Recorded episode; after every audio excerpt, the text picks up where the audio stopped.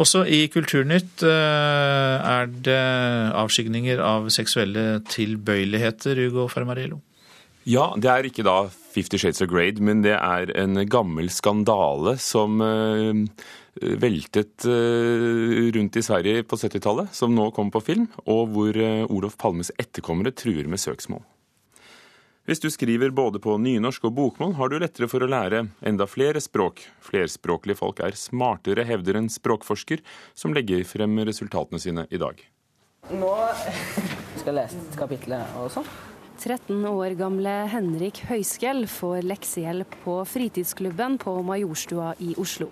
Han har akkurat begynt å lære nynorsk. Så det er litt synd at mange elever uh, syns det er litt teit med nynorsk og syns det er uh, slitsomt sånn, for det er jeg veldig for.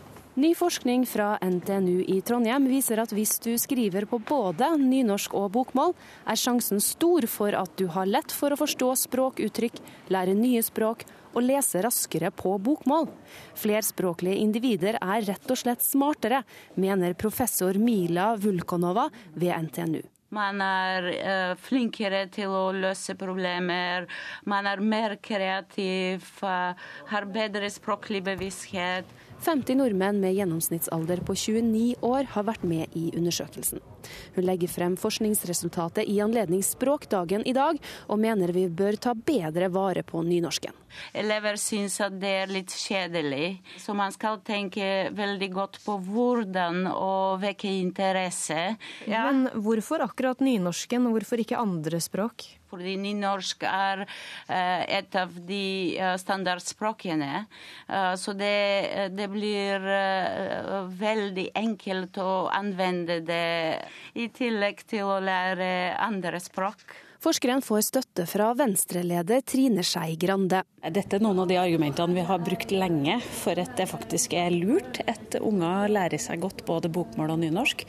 Det er et stort pre når du skal lære andre språk, og at det øker språkforståelsen. Så det er fantastisk hvis vi nå får flere rapporter som viser det samme. På fritidsklubben på Majorstua i Oslo spiller Alisina Korshidi fotballspill. Han skriver ikke nynorsk, og har ikke helt tro på den nye forskningen. Jeg tror ikke det, egentlig. Jeg har ikke nynorsk selv, fordi jeg prøver å jobbe med norsk selv veldig mye. Hva slags språk kan du, da? Eh, farsi. Men han utelukker ikke at han vil lære nynorsk en gang i fremtiden. Fordi min mor er fra Østerdal, så jeg tenkte kanskje jeg skulle lære meg noe nærmere da, enn bokmål. Men ikke alle trenger å lære seg nynorsk, mener stortingsrepresentant for Høyre Bent Høie. Jeg mener at dette ikke forandrer det som i hvert fall er Høyres programkomité sin anbefaling, nemlig at vi konsentrerer den skriftlige eh, eksamen om et, det som en har som hovedmål, enten det er nynorsk eller eh, bokmål. Eh, og at en ikke tvinger alle elevene til å ha en skriftlig eksamen i sidemålet.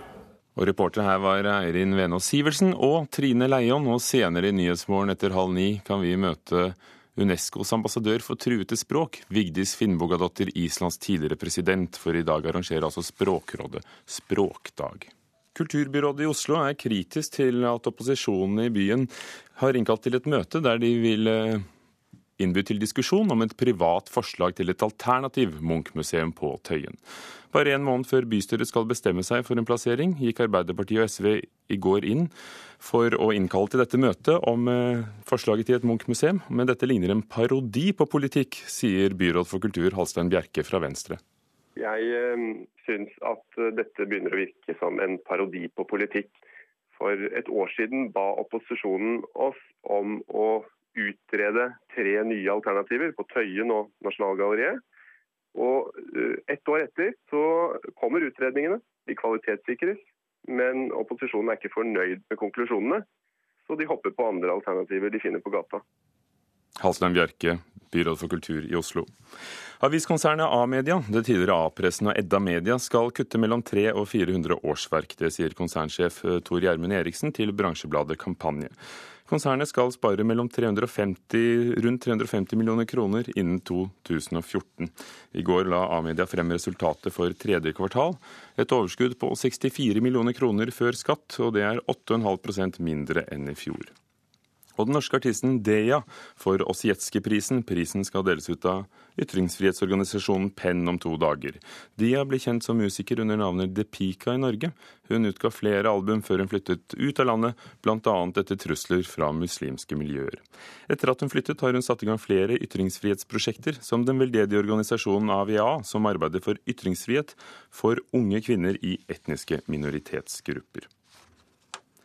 Få nye barneteaterforestillinger blir solgt til andre land. Men det vil Vestlandske Teatersenter gjøre noe med, og lager denne eksportmessen for teater som går av stabelen i Bergen for tiden. Her samles teaterfolk fra, fra flere land til salgsmessen for å se norsk barneteater.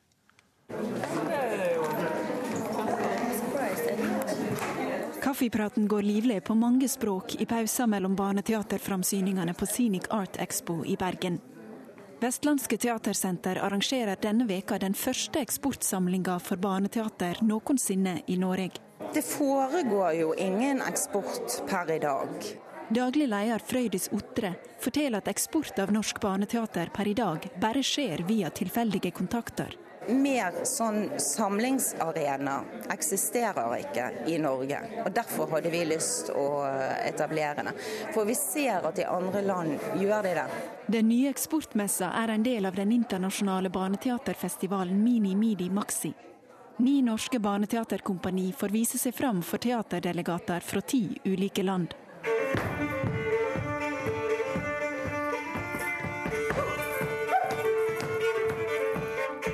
Blant stykker som er plukka ut, er Inn i Per Gynts rike. Et stykke for barn fra ti år og oppover.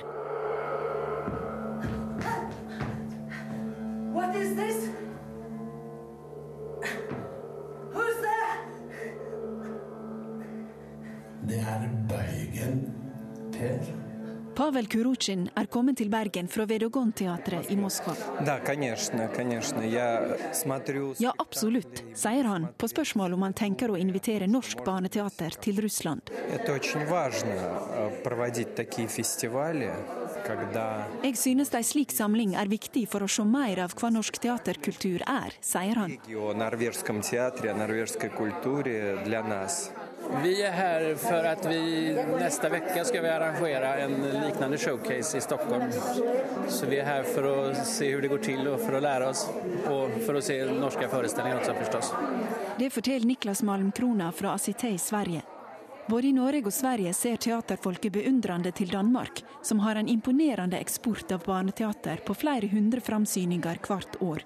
Ja, men så er det. Danske forestillinger spilles jo over hele verden. Og jeg tror at det beror på at de ganske lenge har litt mer medvetet bjudet inn utenlandske festivaler og festivalarrangører. Og på så sett Ja, de ligger mye før oss andre. Nøyaktige tall over norsk barneteatereksport finnes ikke. Men Vestlandske Teatersenter håper nå å skape en synlig eksportstatistikk. Vi tror at det er et stort potensial. For det at det finnes så mange kompanier rundt om i Norge som driver med dette. De må få muligheten til å bli synlige, og jeg tror det er et marked som kan bli veldig stort, bare vi legger et grunnlag for det.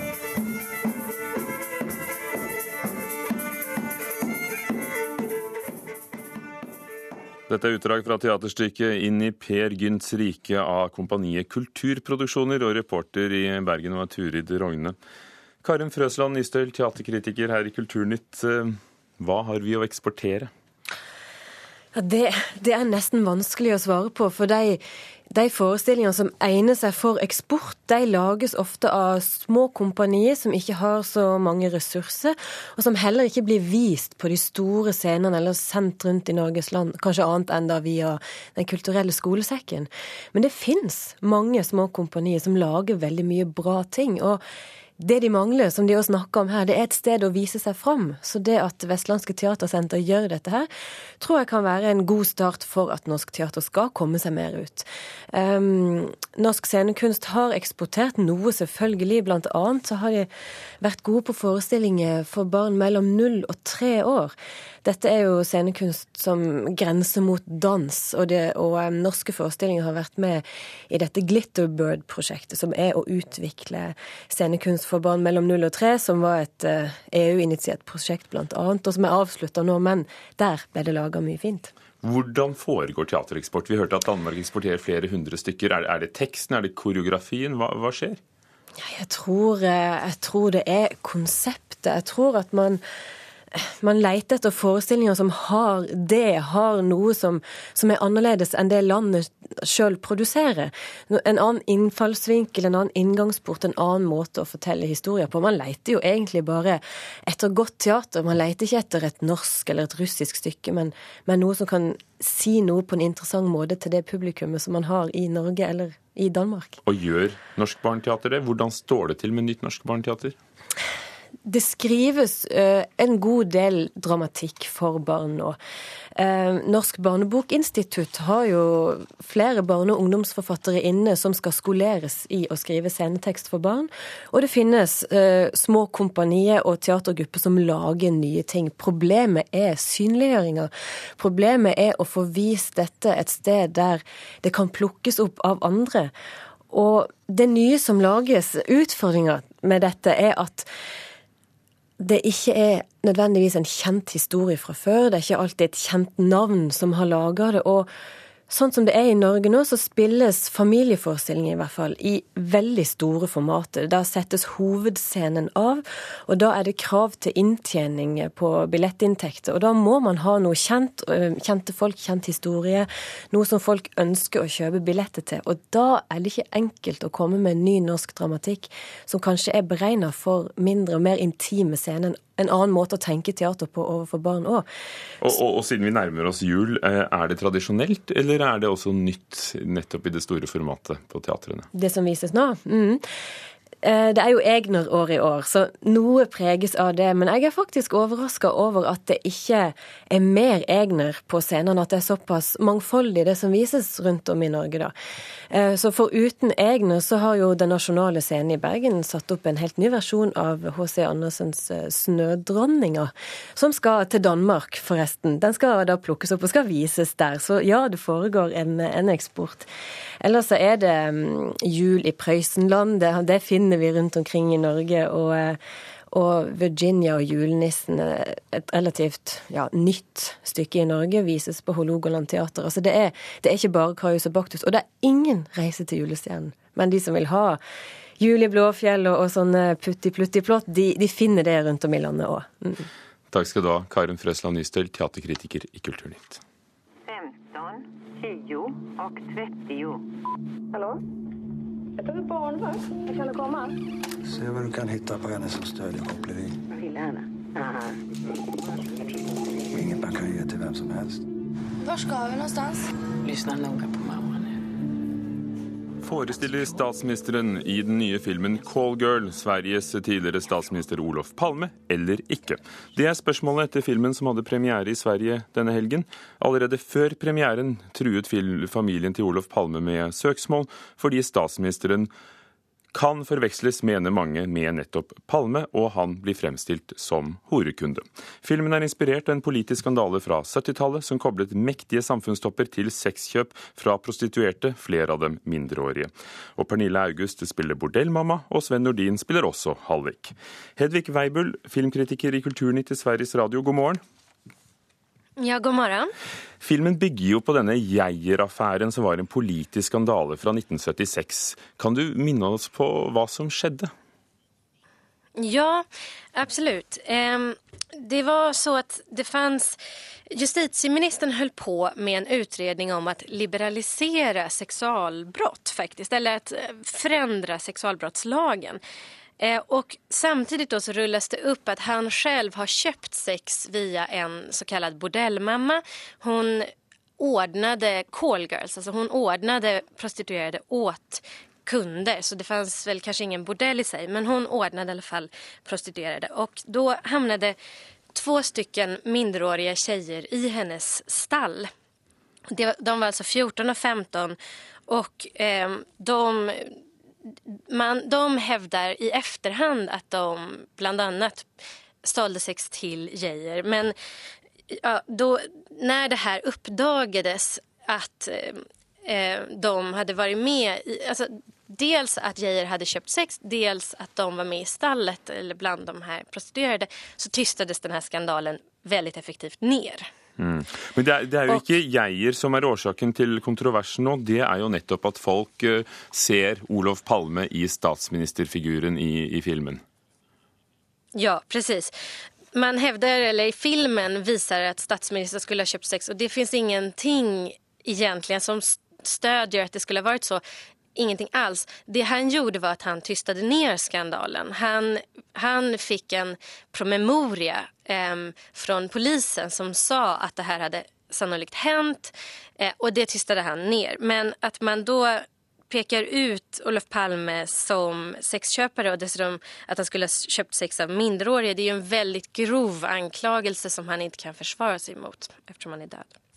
Men er det, det, er det. Filmskaperen, regissøren, hevder at uh, dette er bare en statsminister. Det er ikke nødvendigvis Palme. Samtidig så er det replikker som, som er tatt rett ut av Palmes liv. Altså, hvor, hvor sterke er parallellene?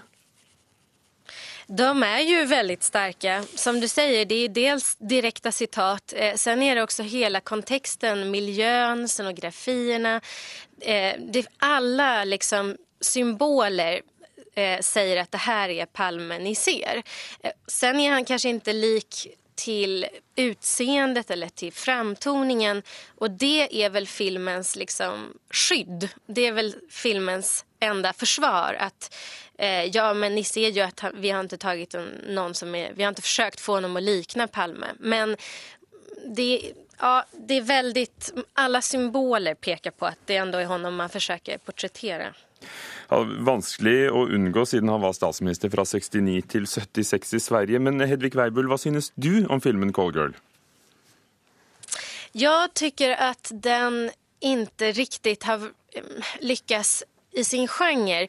Det er som at man forsøker både skapa et følelsessterkt drama om de her jentene, og gjøre, eh, samtidig vil man gjøre en politisk thriller. Men den er ikke tilstrekkelig spennende, faktisk. Den, det er som at man planterer spennende historier men man lykkes ikke følge opp dem. Man, utan, og denne sammenblandingen sammanblandningen at eh, den blir varken eller lite grann og litt for mye klichéer. Men kan du forstå at uh, Palmes familie reagerer?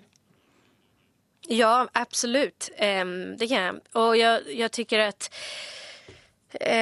det er Det är naturligtvis tycker jag man kan arbeide mye med å blande ihop fakta og fiktion. Det har man all rätt att gjøre, Men om man gjør det så måste man kunne forsvare sine val. Og her tycker jeg at filmen förlorar konstnärligt på den här och den förlorar sin angelägenhet. Den blir varken angelägen som någon slags berettelse berättelse om vad som har varit och den blir inte heller en jättespännande politisk thriller. Så att, mm, jag tycker, och jag förstår att, att eh, Palmes familj har reagerat därför att det är en veldig grov anklagelse som er tagen, tagen ur luften faktisk. Mm. Takk skal du ha, Hedvig Weibull, filmkritiker i eh, Sveriges mm. Radio.